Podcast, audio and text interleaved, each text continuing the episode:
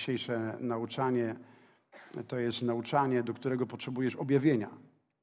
Bo bez objawienia to słowo nie będzie skuteczne w Twoim życiu. Ale Jezus powiedział, że kiedy jesteśmy słuchaczami i wykonawcami słowa, to wtedy jesteśmy błogosławieni. Jeżeli tylko słuchasz, ale nie wykonujesz, to nie korzystasz z błogosławieństwa, które wnosi słowo. Ale kiedy słuchasz i zaczynasz to praktykować, to to przynosi życie i uwalnia błogosławieństwo od naszego życia. A więc objawienie sprawia, że przychodzi wiara, a gdy masz wiarę, możesz robić rzeczy, które Bóg ci mówi. Dlatego też dzisiaj modliliśmy się na samym początku o to, żeby Bóg dał nam objawienie. Ok, a więc teraz zaczynamy pierwszy, nie pierwszy, tylko trzeci list Jana. Będziemy mieli dzisiaj dużo fragmentów z Bożego Słowa, będziemy szli bardzo szybko. A więc e, trzeci list Jana, werset drugi. Oto modlitwa, jaką modlił się Jan o swojego przyjaciela Gajusza. Mój drogi, modlę się o Twoje powodzenie i zdrowie, niech we wszystkim wiedzie Ci się równie dobrze jak Twojej duszy. Jan zwrócił uwagę, że modlił się o dwie rzeczy dla swojego przyjaciela: o zdrowie i o powodzenie. Więc gdy ja patrzę na rok 24, który jest przed nami, w który już weszliśmy, to również chciałbym tego samego dla siebie, dla mojej rodziny. Chciałbym tego również dla Ciebie i dla każdego z nas i dla naszego Kościoła.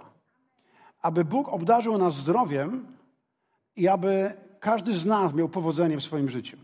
Więc to jest moim pragnieniem dla siebie, dla mojej rodziny i dla każdego z Was. I zastanawiam się, od czego zależy nasze powodzenie.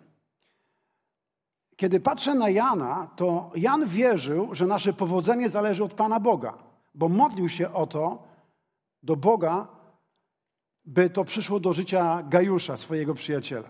A więc Jan wierzył, nie wiem czy ty też to wierzysz, że nasze powodzenie i zdrowie zależy od Boga. Gdyby Jan w to nie wierzył, to by się nie modlił. Ale jako, że on się modlił, to znaczy, że on wierzył, że Bóg może uwolnić powodzenie do jego życia i że może obdarzyć go zdrowiem. I kiedy myślałem o tym, to stwierdziłem, że to nie tylko zależy od Pana Boga, nasze zdrowie i powodzenie, ale w pewnym sensie też od nas. Bo jeżeli e, modlisz się o zdrowie, ale jesz bardzo dużo złych rzeczy, dużo mąki, dużo cukru, dużo soli, dużo golonki, Chociaż niektórzy na diecie keto mogą jeść dużo golonki, to jest taki temat, w którym nie mam objawienia. Moja żona ma więcej. Ale jeżeli się nie, źle odżywiasz, to chociaż się będziesz modlił o zdrowie, to może to nie zadziałać. A więc również jest kwestii powodzenia. Jeżeli modlisz się o powodzenie, ale nie umiesz zarządzać pieniędzmi, wydajesz więcej niż zarabiasz, i każda okazja, każda reklama, każdy kredyt, każdy SMS to jest dla ciebie pokusą, aby, aby w to wejść i aby wydawać pieniądze na rzeczy, których nie potrzebujesz, to chociaż się modlisz o powodzenie, powiem ci, nie będziesz miał powodzenia. Ale to nie jest tak, że wszystko zależy od Pana Boga. Możemy się modlić zgodnie z Bożą wolą, a mimo to może to nie zadziałać w naszym życiu. Zgodzicie się ze mną, że tak to działa, działa w życiu? Tak? Okej, okay. cieszę się, że jesteśmy w tym w jedności. A więc kiedy myślałem o tym, od, od czego, od kogo zależy e, powodzenie, to zobaczyłem takie cztery rzeczy. I te cztery rzeczy, ja będę dzisiaj dużo podawał punktów, dużo zasad, więc możesz notować. Cztery rzeczy. Po pierwsze, jeżeli chcesz mieć powodzenie w swoim życiu, to musisz respektować Boże zasady, prawo Bożego Królestwa. To prawo jest objawione w Biblii i Bóg dał to prawo nie tylko dla Izraelitów, ale dla, dla człowieka. Więc kiedy respektuję te prawo i te Boże zasady, to wtedy ono przynosi do mojego życia błogosławieństwo. Po drugie, potrzebuję być człowiekiem pracowitym, czyli pracować i być rzetelnym. Bo Nowy Testament mówi, że każdy z nas potrzebuje pracować. Nie możesz modlić się o powodzenie, kiedy jesteś leniwy i nie chcesz pracować. A więc musisz pracować i być rzetelny w swojej pracy. To jest druga rzecz. Po trzecie, musisz nauczyć się zarządzać pieniędzmi. Ja pamiętam, jak, jak się e, mm, nie tyle nawróciłem, ale jak zostałem pastorem, to bardzo dużo nauczałem na temat dawania, ale odkryłem, że nie wystarczy ludziom mówić o tym, jak ma, że mają dawać coś Bogu, ale muszą też nauczyć się zarządzać to, co zostaje im. Więc Bóg nie tylko chce, żebyśmy mówili o dziesięcinie, ale żebyśmy mówili o tym, jak zarządzać tym, co zostaje. Te, te 90% to też jest ważne. A więc musimy nauczyć się zarządzać naszymi zasobami, naszymi finansami. Nasze zasoby to jest czas, to, to są nasze talenty, zdolności, ale to również są pieniądze. To, to są zasoby, które Bóg nam daje do naszego życia. Musimy się nauczyć tym zarządzać. W końcu, po trzecie, nie, czwarte, przepraszam, czwarte, musimy nauczyć się słuchać Ducha Świętego i uczyć się Bożej kreatywności w sferze finansów, która, którą udziela nam Duch Święty. I Asia moja e, w czasie uwielbienia, cieszę się, że w ogóle my nie uzgadnialiśmy, co ja będę dzisiaj mówił, ale ona o to też się modliła, żeby Bóg dał nam kreatywność, żeby, żebyśmy się nauczyli, e, żeby ta kreatywność Ducha Świętego była uwolniona w nas. I dam wam przykład, taka książka, którą ja uwielbiam i to była pierwsza chrześcijańska książka, którą ja przeczytałem, Najszczęśliwsi na świecie. Czytaliście tą książkę? Jeżeli nie, mówicie, musicie ją przeczytać. To jest jedna z najlepszych chrześcijańskich książek, reklama tutaj dla naszej księgarni. Najlepsza książka, ona uwolniła we mnie wiarę, miłość, i, i zachęciła mnie do tego, żeby podążać za Bogiem. I tam jest opisana historia Szakariana, który był na początku biednym człowiekiem, który wyemigrował z Ar, um, um, Are, Armenii, z Armenii do Stanów Zjednoczonych i tam został milionerem. Bóg go błogosławił, stał się milionerem, ale on nauczył się słuchać Ducha Świętego i Duch Święty mu mówił, co ma robić, w co inwestować, a co nie. Co kupować, a czego nie kupować. I on zajmował się w ogóle krowami. E, miał ogromną hodowlę krów, miał farmę i, i kiedy, on, wiecie, krowy potrzebują byka, żeby się pomnażać. Nie wiem, czy wiecie, czy to tak też to działa tam w tym przypadku. Więc kiedy on kupował byki, chciał mieć mleczne krowy, które dają najlepsze mleko, które najwięcej mleka i on przychodził na takie licytacje byków, przyglądał się tym bykom i czasami widział takiego skromnego, takiego mizernego byka, który, którego nikt nie chciał kupić i był bardzo tani, a Bóg mówi ten. Ja mówię, ten? Boże, ale on nie wygląda na takiego byka, który, wiecie, no, rozumiecie, co nie? A on mówi, ten byk, tak? I on kupował byka, okazało się, że to był najlepszy byk, który, który produkował najlepsze krowy. Okej, okay, dobra, rozumiecie o co chodzi, te mleczne takie. Nie, nie mogę się prześpieszać, a więc idziemy dalej. Kupcie tam książkę, poczytajcie. To jest kreatywność Ducha Świętego. Duch Święty nam mówi, w to wchodź, w to nie wchodź, to kupuj, tego nie kupuj. wierzę, że Bóg jest zainteresowany tym, aby mówić nam o tym, co mamy robić również w tym obszarze. Amen? Aleluja. Uchwyćcie to, uchwyćcie to. I teraz popatrzcie. Kiedy patrzymy na Boże Słowo, możemy zobaczyć, że Jezus przyszedł, aby Jego owce miały życie, i to jest słowo greckie zoe, to jest Boży rodzaj życia i abyśmy mieli je w obfitości. A więc Jezus przyszedł, abyśmy mieli Boży rodzaj życia i abyśmy mieli go w obfitości. Czyli Bóg chce, abyś żył w powodzeniu, bo Boże powodzenie to jest Boży rodzaj życia, jaki Bóg ma dla ciebie. I po to przed Jezus, abyśmy mieli życie i abyśmy je mieli w obfitości. Boże rodzaj życie, życie w obfitości, nie w niedostatku, ale życie w dostatku, bo tylko wtedy, kiedy masz dostatek, to możesz hojnie łożyć na wszelką dobrą sprawę i być błogosławieństwem dla innych. A więc Bóg chce, żebyśmy nie byli egoistami, ale żebyśmy mieli dostatek w naszym życiu, abyśmy mogli być błogosławieństwem, bo Bóg powiedział, że e, przez nas świat będzie błogosławiony. Amen? Okay, idziemy dalej. A więc kiedy patrzymy na Boże Słowo, możemy to zobaczyć również w Starym Testamencie, kiedy Bóg mówi o Izraelu. Piąta Księga Mojżeszowa, otwórzcie ze mną szybciutko. Będziemy podążali szybko, chyba już szybko podążamy, a więc e, żeby nadążyć, to musisz szybko otwierać. Piąta Mojżeszowa, piętnasty rozdział. E, tu jest tylko cytat, ale ja podam cały fragment. Piętnasty rozdział, werset 4-6. Zobaczcie, co Bóg mówi do Izraelitów. Mówi, nie powinno być u was potrzebujących. 15 rozdział i werset, 5 Mojżeszowa, 15 rozdział, werset trzeci. Choć nie powinno być u was potrzebujących, tak jest w moim tłumaczeniu. Pan bowiem na pewno, powiedzcie ze mną na pewno? Na pewno? Pan bowiem na pewno pobłogosławi ci w ziemi, którą On, Pan, Twój Bóg, daje ci w dziedziczne posiadanie. Jeśli tylko będziesz uważnie słuchał głosu Pana, dzisiaj możemy słuchać Ducha Świętego. Jeśli będziesz słuchał głosu Pana, kiedy będziesz słuchał Ducha Świętego, Twojego Boga, On strzegł, On będzie strzegł i wypełniał całe to przekazanie, które ja Wam dziś nadaję. Pan Twój Bóg będzie Ci błogosławił, tak jak Ci zapowiedział, abyś pożyczał wielu narodom, lecz sam się nie zapożyczał. I abyś panował nad wieloma narodami, a nad Tobą nikt nie będzie panował. To jest Boży plan, mi się to bardzo podoba. Bóg chce, żebyś był głową, a nie ogonem. Abyś królował w życiu przez Chrystusa Jezusa. Żebyśmy mogli być błogosławieństwem dla innych. I to jest Boży plan. I Bóg to pokazał wyraźnie dla swojego ludu. A więc Bóg to obiecał w Starym Przymierzu. I teraz posłuchajcie. Jeśli nowe przymierze jest lepsze od starego, bo jest oparte na lepszych obietnicach. Wiecie, że o tym mówili list do Hebrajczyków, że nowe przymierze, które mamy w, przez Chrystusa, jest lepsze od tego, które mieli Żydzi. Jeżeli więc nowe przymierze jest lepsze, bo oparte jest na, na lepszych obietnicach, to dlaczego, powiedzcie mi, jest wielu wśród wierzących, wśród chrześcijan, jest wielu ludzi ubogich i potrzebujących? Dlaczego? Jest tak, czy nie jest tak? Jest tak, czy nie jest tak? Jest tak. I ja wam powiem dlaczego tutaj, od, od, odkrycie takie. Osoba Jezusa przynosi pokój do naszej duszy. Ale zasady Jezusa przynoszą powodzenie do naszego życia. Jeszcze raz. Osoba Jezusa przynosi pokój do naszej duszy. Spotykasz Jezusa, nawracasz się i On daje ci pokój. Ale jeśli nie poznasz zasad Jezusa, które On nauczał, to nie będziesz miał powodzenia w swoim życiu. Potrzebujemy pokoju Jezusa i potrzebujemy zasad Jezusa. I wtedy dopiero żyjemy pełnym, pełnym życiem. Niech ktoś powie chociaż jeden amen. Aleluja, super. A więc z powodu braku znajomości tych zasad, tych praw, wielu ludzi wierzących nie żyje takim życiem, do jakiego ich powołał Pan Bóg. Potrzebujemy więc odkryć te zasady. Mnie to zajęło już 30. Ile jestem wierzący? 39 lat. 39 lat. Ja poznaję ciągle te zasady. Ja nie mówię, że znam je wszystkie, ale już trochę poznałem. I niektórymi z Was dzisiaj się podzielę. Dlaczego? Bo one działają w moim życiu i w mojej rodzinie, w moim małżeństwie. Ciekawe jest to, że Jezus więcej mówił o pieniądzach niż o modlitwie, niż o wierze, niż nawet o Duchu Świętym.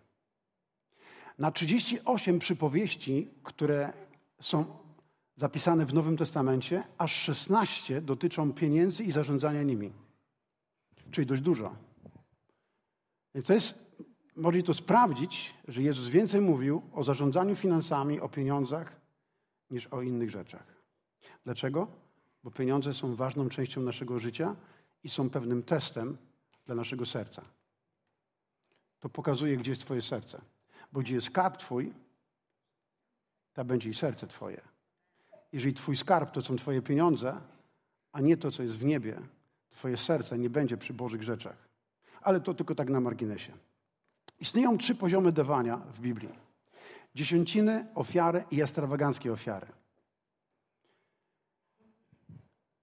I my w naszym kościele praktykujemy te wszystkie trzy poziomy dawania.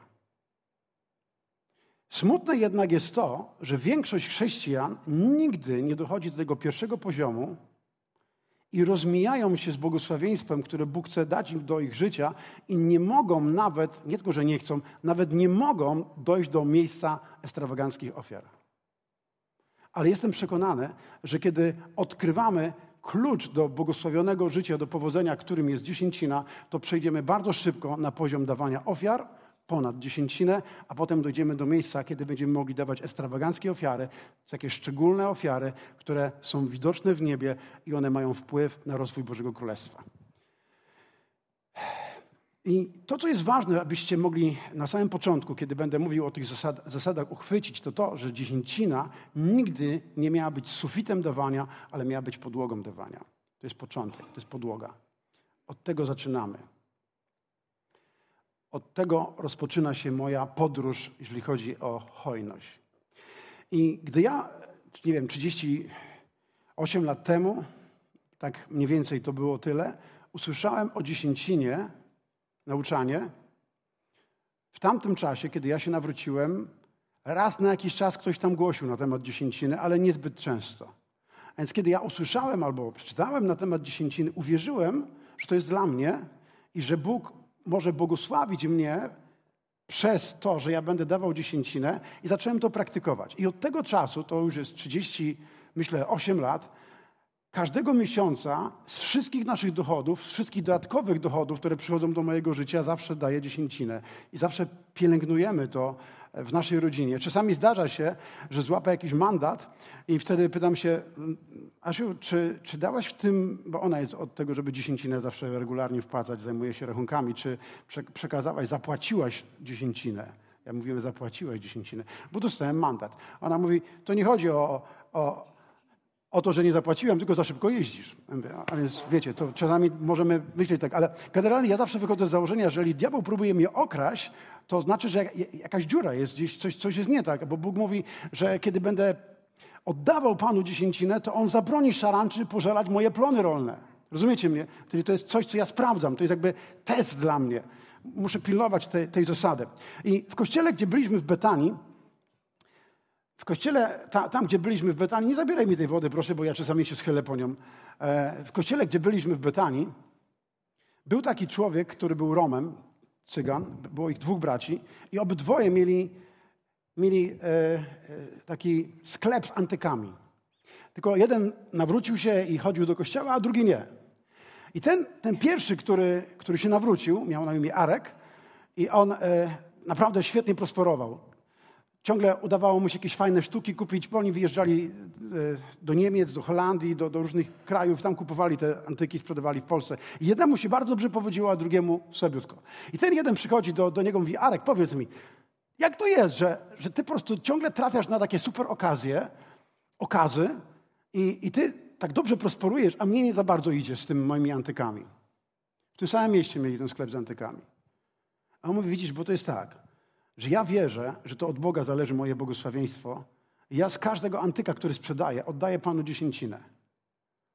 Jak, jak to oddajesz? No mówi, no przychodzę do kościoła i oddaję do spiklerza, tam gdzie się uczę, gdzie mam słowo, gdzie przyjmuję i tam przekazuję. I ten załapał, że jest tu jakiś klucz do błogosławionego życia.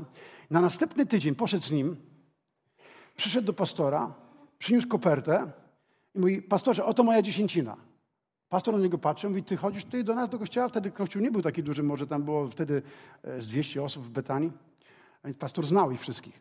A on mówi, nie, nie chodzę tutaj, ale ja dziesięcinę przyniosłem, bo mój brat tu chodzi i on daje dziesięcinę i Bóg błogosławi jego interes, więc ja chciałbym, żeby Bóg błogosławił mój interes. Pastor na niego patrzy i, i to było ciekawe, że on chciał mieć Boże błogosławieństwo, chociaż nie chciał, żeby Jezus królował w jego życiu.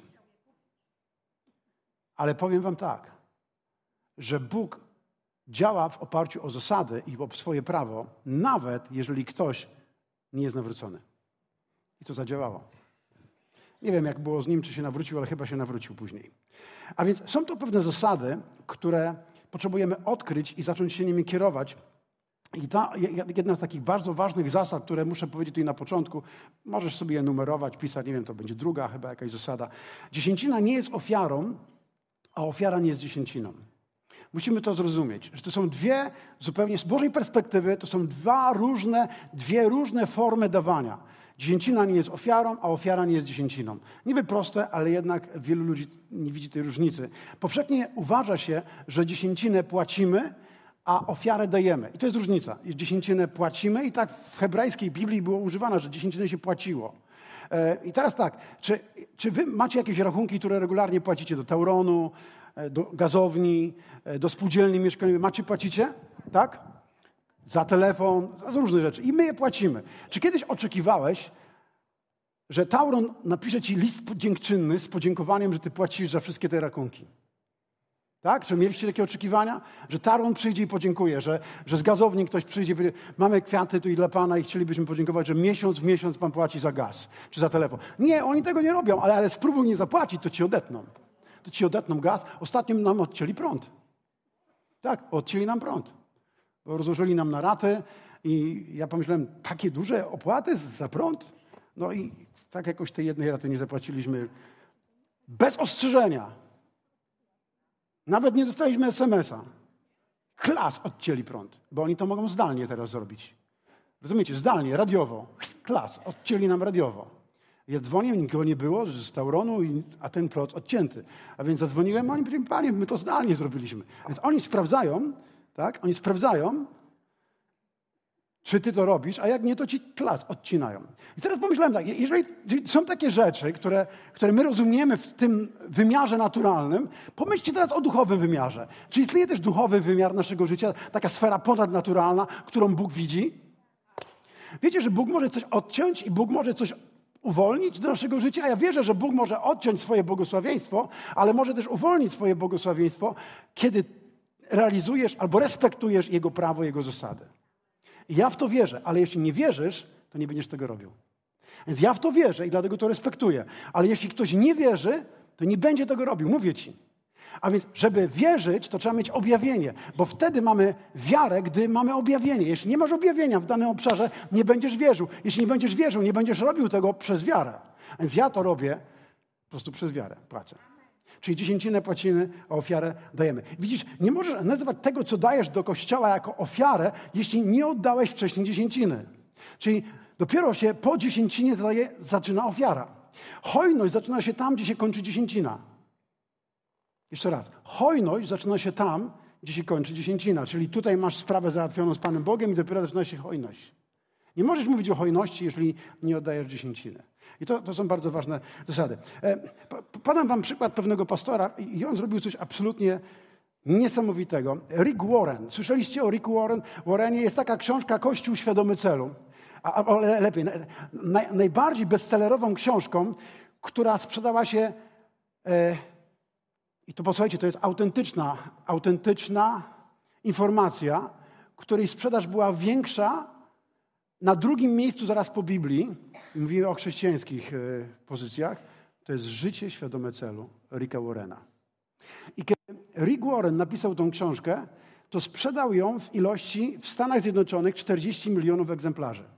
Więc możecie sobie wyobrazić, jak ktoś sprzedaje książkę, i to jest gruba książka, to była taka pięknie wydana książka, my nie wiem, czy jest w naszej księgarni Życie Świadome Celu, to on stał się bardzo bogatym człowiekiem, kiedy sprzedał tę książkę. W ogóle był wcześniej pastorem e, dość dużego kościoła.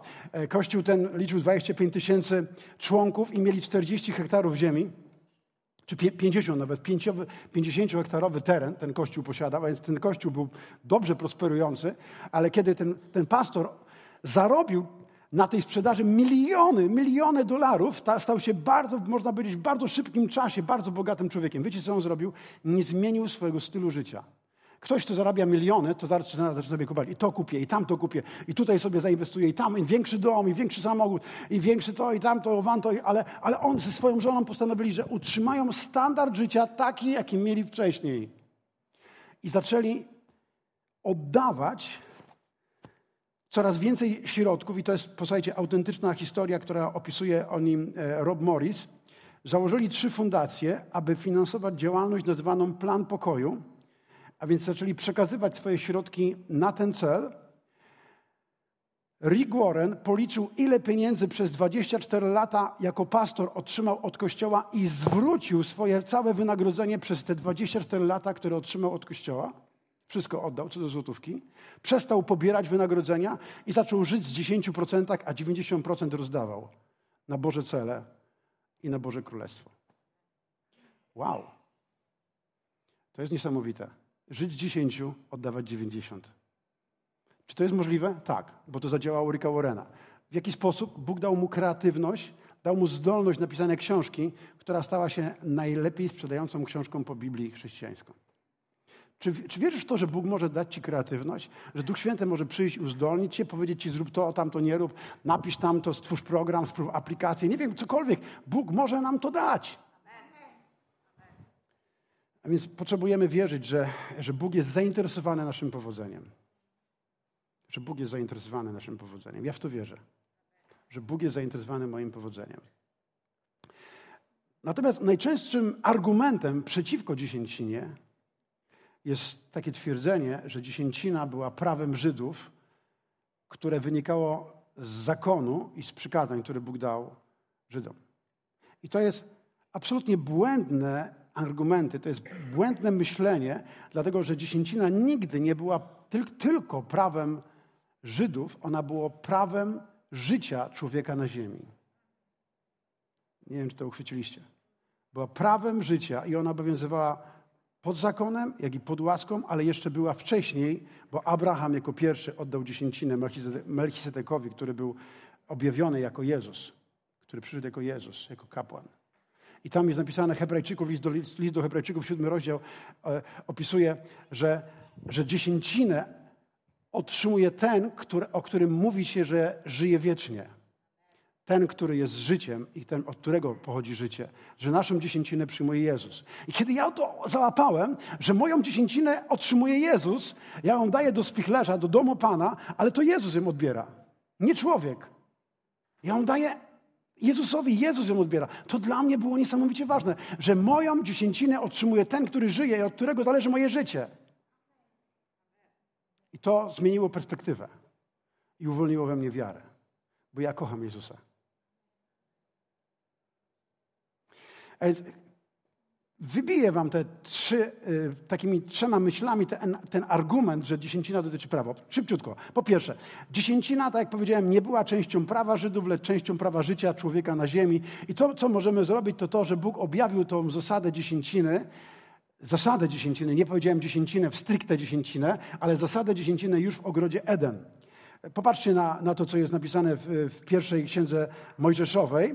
Bóg powiedział, ze wszystkich drzew ogrodu wolno wam jeść, ale z drzewa poznania dobra i zła nie wolno wam jeść, nie wolno ci jest. I Bóg mówi, to jest moje drzewo, nie dotykaj go, a będziesz miał błogosławione życie. To jest moje drzewo, które jest dla mnie, poświęcone dla mnie, nie dotykaj to, a wtedy będziesz mógł korzystać z ogrodu Eden. Ogród Eden to był raj, to było miejsce, w którym człowiek miał wszystko.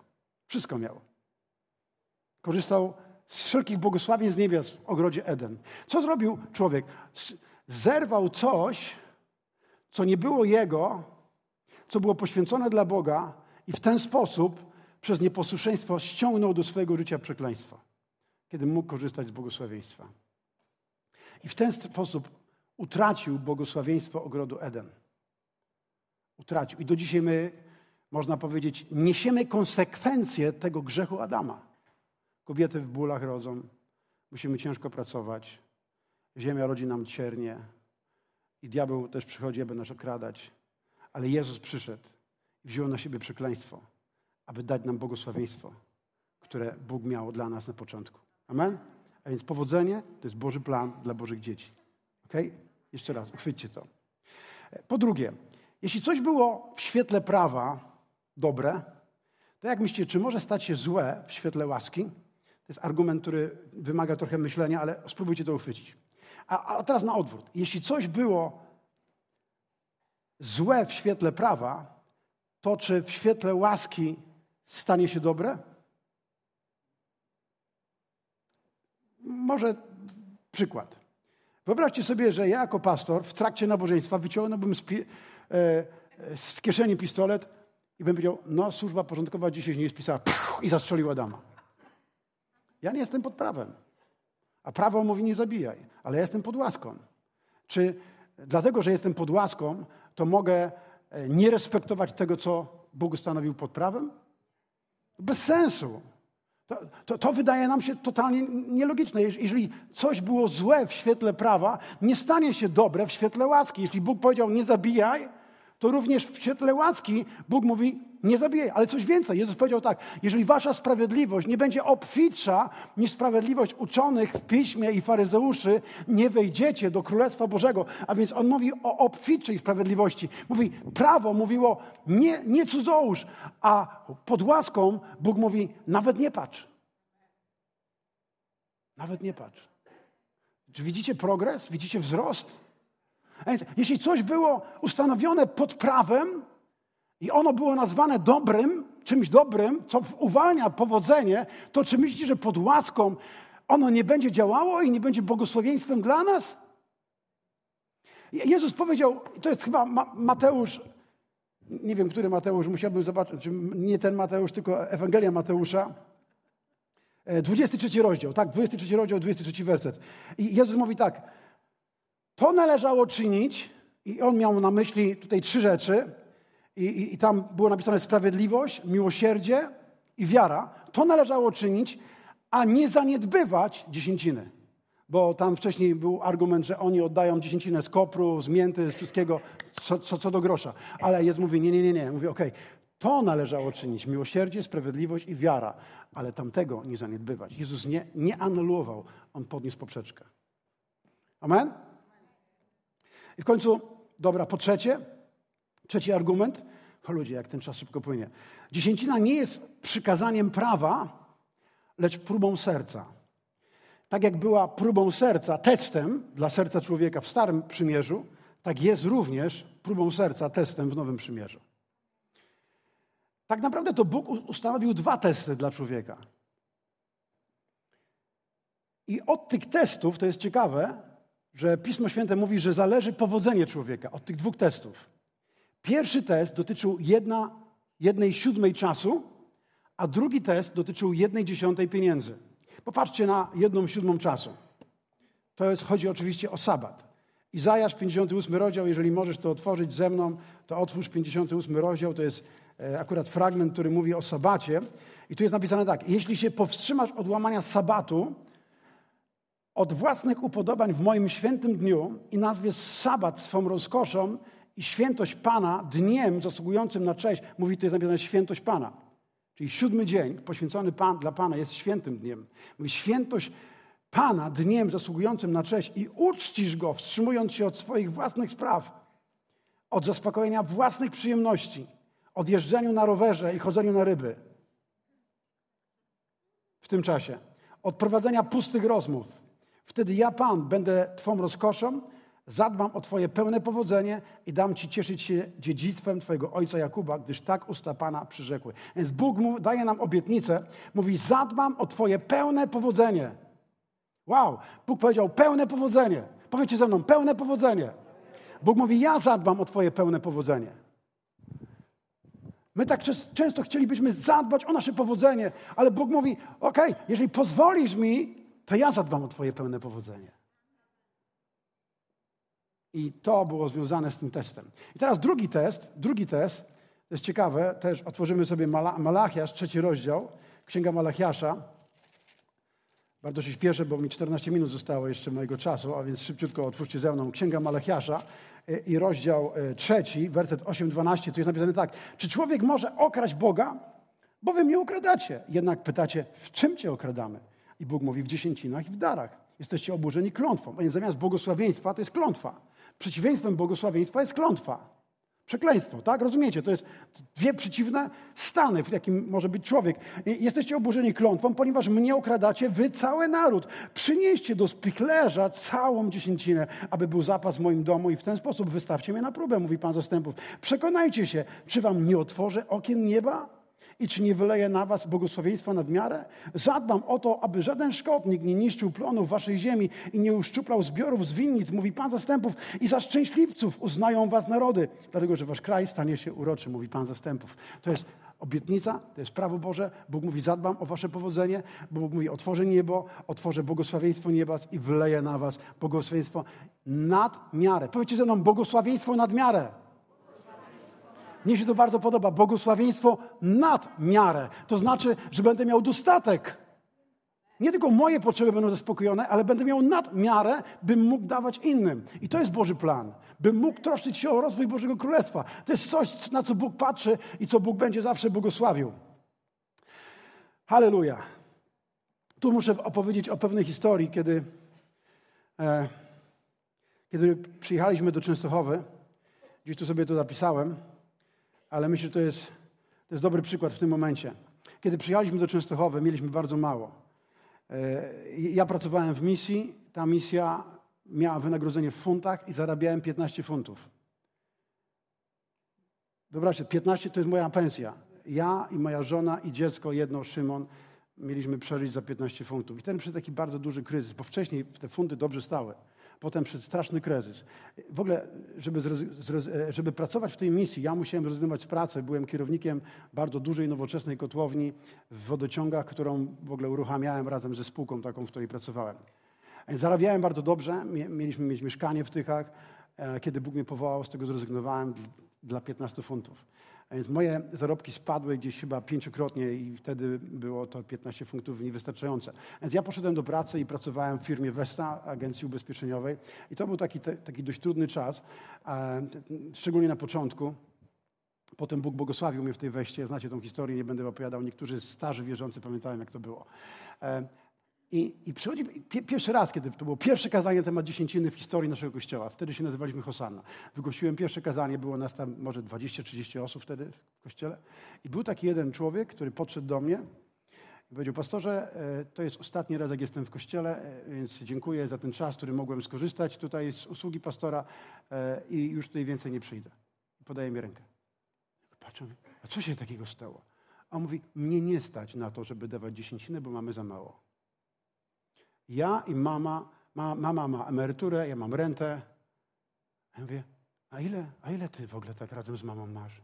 I on powiedział mi, ile ma, i mieli dwa razy więcej niż my, niż nasza rodzina. I mówi, widzisz, ty nie możesz tutaj przychodzić, nie możesz dawać dziesięciny, bo masz za mało, a ja nie mogę nie dawać dziesięciny, bo mam za mało. On patrzył na mnie i chyba nie załapał. Jeszcze raz, ty nie możesz dawać dziesięciny, bo masz mało. Za mało, swoim zdaniem. A ja nie mogę nie dawać, bo mam mało, bo mam za mało. Ale kiedy będę wierny, to Bóg otworzy okna niebieskie i będzie im błogosławił. Ale on nie załapał tego, bo jak, żeby mieć wiarę, to trzeba mieć objawienie. On nie miał objawienia, nie miał wiary i potem na, na następnym rok mama umarła. I musiał sobie poradzić z tymi wszystkimi wydatkami bez pensji mamy. Nie wiem, jak dzisiaj wygląda jego życie, czy jeszcze żyje. Ale moje życie zależy od Pana Boga. Nie od ekonomii, jaka jest na świecie.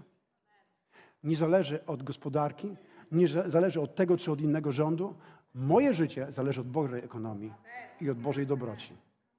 Amen? Okej. Okay. A więc, tak jak powiedziałem, ja przez wiele lat nie rozumiałem, jak działa dziesięcina, ale uwierzyłem, że to jest prawo Boże i kiedy będę go respektował, to Bóg będzie mi błogosławił e, moje życie i moją rodzinę. Na początku dawałem z posłuszeństwa. Tak naprawdę, przyznam się wam bez bicia, na początku dawałem z posłuszeństwa. Po byłem posłuszny Bogu, bo Bóg mi to pokazał w Biblii. Można powiedzieć, że bardziej z bojaźni, takiej, ze strachu, z takiego lęku przed Panem Bogiem, niż z wiary. Ale to też jest dobre, kiedy dajesz z bojaźni. I Bóg to też e, respektuje i błogosławi. Później, kiedy zacząłem dostrzegać, że to działa, po prostu, że Bóg to błogosławi, zacząłem dawać dziesięcinę jako wyraz mojej czci dla Boga i wyraz mojego uwielbienia, bo, bo ja już widziałem, że to działa, tak? E, czasami pod koniec miesiąca dopiero dawałem, e, czasami mi nie starczyło, a więc w następnym miesiącu starałem się wyrównać, żeby nie być, mieć długów u Pana Boga, a więc czasami starałem się wyrównywać dopiero w następnym miesiącu. A więc w rzeczywistości nie płaciłem dziesięciny zgodnie z Bożymi zasadami. I dopiero po jakimś czasie, a było to wtedy, kiedy zaczynaliśmy naszą budowę, była taka książka Błogosławione życie Roberta Morisa i my mieliśmy studium na grupach, mieliśmy nauczanie na wideo Roba Morisa i mieliśmy potem studium w oparciu o taki skrypt, który on przygotował. I również każdy z nas kupił książkę Błogosławione życie. I wtedy zacząłem to czytać, co, co Bóg pokazał Robertowi Morrisowi, a, a Kościół Gateway jest najbardziej hojnym i najbogatszym kościołem w całych Stanach Zjednoczonych. Więc to działa. To u nich działa. Najbogatszy kościół w całych Stanach Zjednoczonych. I on napisał tę książkę Błogosławione życie. I on tam powiedział, że dziesięcina to pierwociny, to jest coś, co dajesz jako pierwsze że sens i idea dziesięciny zawsze była związana z pierwocinami, czyli coś, co dajesz jako pierwszy e, wypłata albo pierwsze, pierwsza płatność, którą czynisz. To jest właśnie pierwociny. To jest coś, co dajesz jako pierwsze Panu Bogu, aby pokazać, że On jest pierwszy w Twoim życiu. Że Twoje serce jest sercem wiary, że Twoje serce jest przy Nim, że Ty zależysz od Niego, że Ty Mu ufasz. To jest coś, co dajesz jako pierwsze. A więc e, potem, gdy to zrozumiałem, zacząłem dawać dziesięcinę jako pierwociny, aby wykupić tą dziesięciną pozostałe 90% moich dochodów. By one były błogosławione i aby Bóg je rozciągnął, pomnożył, poszerzył i aby się rozwijały. I ja to odkryłem, zacząłem to stosować i wtedy Bóg zaczął mi błogosławić. A więc dzisiaj, zanim zapłacimy jakikolwiek rachunek za cokolwiek, to my dajemy pierwociny, czyli to jako pierwszą płatność dla Pana Boga. E, żeby, żebyście mnie dobrze zrozumieli. Mam, mam tutaj 20 banknotów. 10 e, banknotów po 20 zł. 10 banknotów po 20 zł. Był czas, że w różnych okresach, jak, jak wypadło, tak?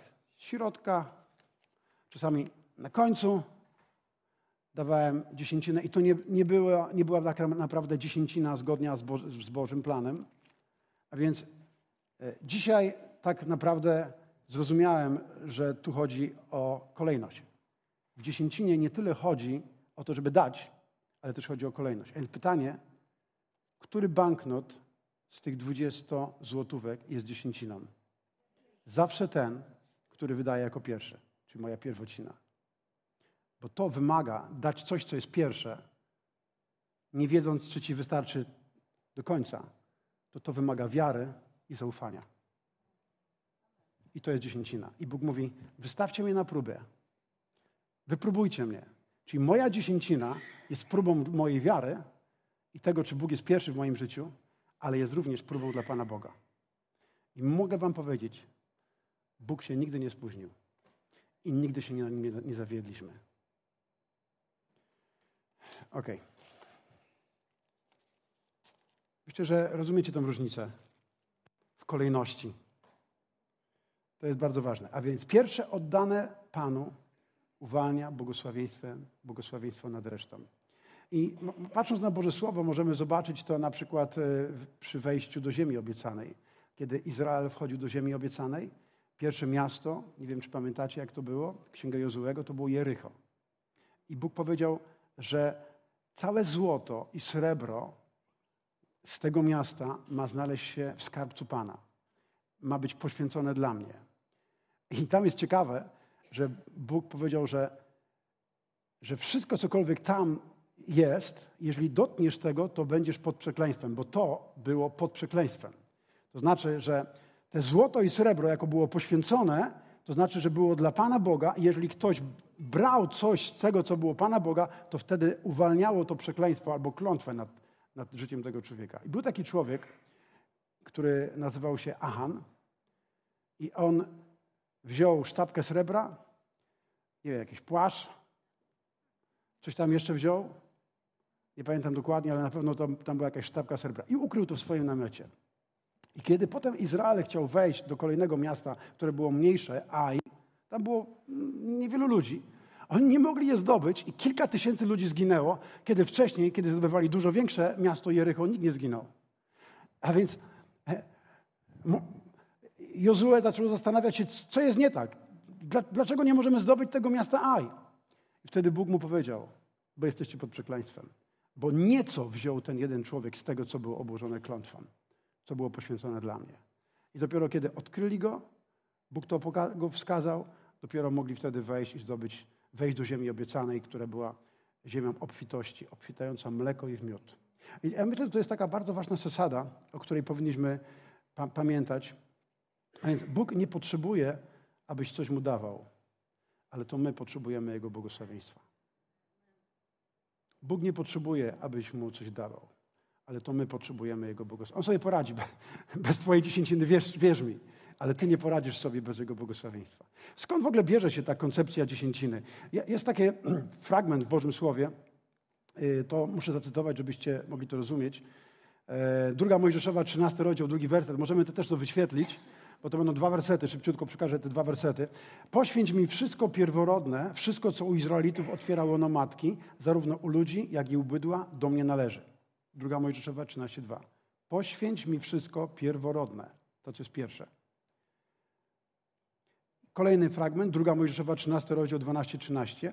I oddasz wszelkie pierwociny łona matki dla Pana i wszelki pierwszy płód bydła, jaki będzie u Ciebie, co jest rodzaju męskiego, należy do Pana. Lecz pierworodny płód osła, który był nieczystym zwierzęciem, wykupisz jagnięciem. A jeśli byś nie chciał wykupić, to musisz mu złamać kark. Pierwotnych ludzi, synów Twoich wykupisz. A więc e, było to pewne prawo, które dla nas, ludzi żyjących w obecnych czasach w Polsce, jest totalnie niezrozumiałe. To jest, to jest po prostu jakaś. Nie chcę użyć jakiegoś e, określenia negatywnego, coś dziwnego, taki, jakieś dziwne, jakieś dziwne prawo. Bo my nie mamy ani osłów, ani bydła, ani różnych innych rzeczy. Dla, dla nas to jest niezrozumiałe, ale to miało duchowe znaczenie. Chciałem, żebyście uchwycili, że chociaż tu chodzi, dzisiaj my nie mamy bydła, tylko nam płacą wynagrodzenie, ale to ma duchowe znaczenie i to się nic nie zmieniło. Bóg zawsze patrzy, czy On jest pierwszy dla mnie, czy moje serce Mu ufa, czy, czy moje życie jest zależne od Niego, czy nie. I to jest to, co, co Bóg błogosławi. A więc według prawa zawsze, gdy rodziło się pierworodne zwierzę, było ono przeznaczone na ofiarę, ale jeśli było uznane za nieczyste, tak jak osiołek, musiało zostać wykupione przez czystego baranka, który był bez. I to, to było Boże prawo. I to, to, to pierwsze wykupywało pozostałe, które się rodziły, aby były błogosławione. I nie wiadomo było, ile się urodzi, ale to pierwsze musiałeś oddać Panu. Więc potem mogło się rodzić bardzo dużo. I więc to, to każde, które kolejne było już pod błogosławieństwem, kiedy złożyłeś pierwociny. To była zasada. To była zasada. Bóg tak może pomnożyć te 90%, że z tego wyjdzie dużo, dużo, dużo więcej. Niż normalnie 90 bez Bożego błogosławieństwa. Ok, rozumiecie mnie? To, to, jest, to są duchowe prawa, które Bóg chce, abyśmy rozumieli, abyśmy je znali, abyśmy je respektowali i według nich żyli. I w oparciu o to prawo, posłuchajcie, to, to jest, zbliżamy się do końca. Zbliżamy się do, do końca. W oparciu o to prawo, Jezus jako czysty baranek bez grzechu, bo Jan powiedział, oto baranek Boży, który gładzi grzechy świata. Jezus jako czysty baranek bez grzechu, bez grzechu wykupił nieczystych, a każdy z nas z powodu grzechu był nieczysty, bo my urodziliśmy się z naturą Adama. Nie z grzechem pierworodnym, ale z grzeszną naturą. Ale Jezus jako czysty baranek wykupił nas, ludzi nieczystych, dla Boga. Jest ważne, jesteśmy wykupieni dla Boga. Nie żeby dobrze nam się żyło, to też jest prawdą, ale jesteśmy wykupieni dla Boga. A więc On, Jezus, stał się dosłownie ofiarą z pierwocin Boga, bo był pierworodnym Synem Bożym. Nie, nie dał Bóg anioła za nas, jakiegoś, ani złoto, ani srebro. Bóg dał swojego jednorodzonego syna, dał swoje pierwociny. Bóg dał swoją dziesięcinę za nas, aby nas wykupić, aby nasze życie mogło być błogosławione. A więc pierworodny Jezus złożył swoje życie z wiarą. Posłuchajcie, to jest ważne, że Bóg jakby złożył pierworodnego Jezusa z wiarą albo przez wiarę, jeszcze zanim uwierzyliśmy, abyśmy mogli mieć błogosławione życie i abyśmy mogli żyć dla Boga. I tym była ofiara Jezusa. Zanim jeszcze uwierzyliśmy, On za nas oddał życie i Bóg go złożył z wiarą, że my odpowiemy na, na tą ofiarę i będziemy żyli dla Boga. I będziemy przy tym życiu dla Boga mieli błogosławione życie. I ja oczywiście tylko dotknąłem tematu dziesięciny. Można by jeszcze mówić dużo dłużej i dużo więcej rzeczy. E, to jest temat, który u mnie w moich notatkach ma osiem stron, a ja myślę, że tylko dotknąłem może połowy tego. Ale myślę, że jeśli uchwycisz sedno tego duchowego prawa, to Bóg otworzy okno niebieskie dla Twojego życia. I ja chcę o to się pomodlić teraz. Powstańmy. Aleluja. Ojcze w niebie. Panie, dziękujemy Ci za Jezusa. Dziękujemy za tą niesamowite, niesamowitą miłość, którą okazałeś nam. Za wiarę, którą miałeś w swoim sercu, kiedy posyłałeś Jezusa i za wiarę, którą miał Jezus, kiedy szedł na krzyż, bo On widział potomstwo, które powstanie w wyniku Jego śmierci na krzyżu. I oto my jesteśmy tym potomstwem. I nie żyjemy dla siebie, i nie żyjemy tylko po to, żeby mieć powodzenie i zdrowie, ale jesteśmy tu na ziemi, aby żyć dla Boga. Ja modlę się o to, Panie, aby każdy z nas mógł to dzisiaj odkryć, aby mógł to zrozumieć, aby mógł otrzymać to objawienie. Ja wiem, że kiedy my zaufamy Tobie i postawimy Ciebie na pierwszym miejscu, Ty dotrzymasz słowa i będziesz błogosławił nasze życie. I o to się modlę dla każdej osoby. Otwórz okna niebiańskie nad Twoimi dziećmi. Otwórz okno niebiańskie nad każdą rodziną w naszym kościele.